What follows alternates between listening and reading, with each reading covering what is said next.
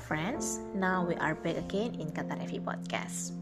Today I want to share about my opinion in mindfulness, but it will be related with in, with language learning.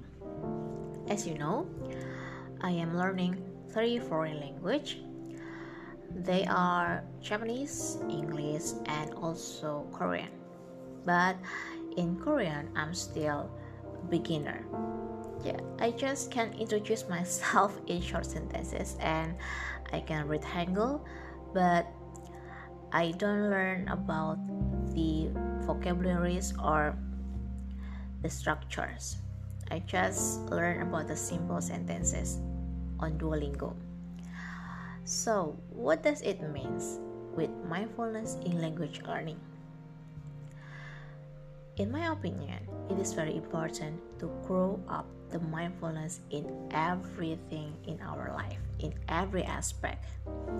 Mindfulness means if we feel our feelings with so much acceptable feels maybe it was like confusing yourself but we should be aware with our emotions it, it is like tired or maybe we are angry or we are sad when we are learning language.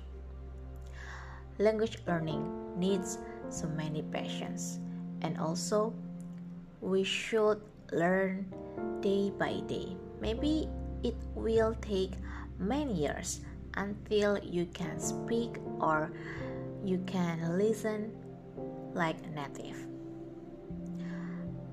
I have been learning English language since I was 8 years old.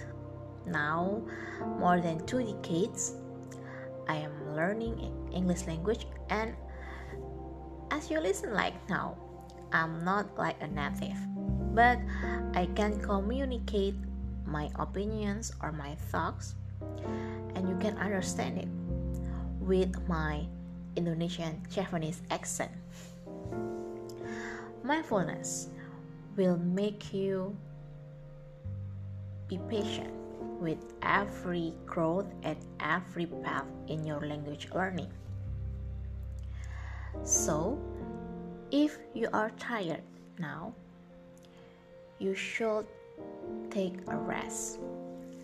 And if you feel you are not suitable with your target language, for example, before I decided to learn Korean language, I was learning French. I thought that French language was very romantic. But in the middle of my language learning journey, I stopped and I moved to another language. I felt exhausted and I couldn't connect with the French language and I love Korean dramas. I followed Korean dramas since I was a little kid. After I decided Korean language learning, I was very happy because as a Japanese advanced speaker, Korean structures or Korean tenses has many similarities in with Japanese. So I can grasp and I can memorize some words without even thinking too much. Mindfulness let you feel your raw emotion. You should be not too perfect. You can master your target language little by little. Slow down.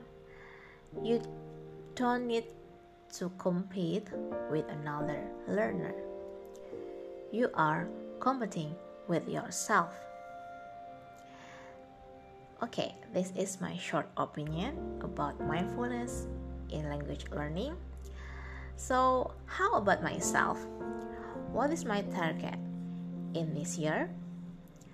My target in this year is achieving N1 in Japanese I also want to speak in basic Korean more and more or better. I want to continue recording English podcast once a month. That's my simple target. But I should learn more if I want to pass N1 in Japanese proficiency test. Okay, this is my podcast. If you find so many grammatical errors or maybe weird accent from my speaking, please forgive me because I'm still learning.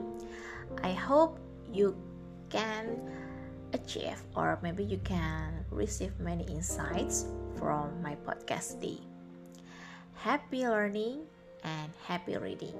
See you on my next podcast. Bye.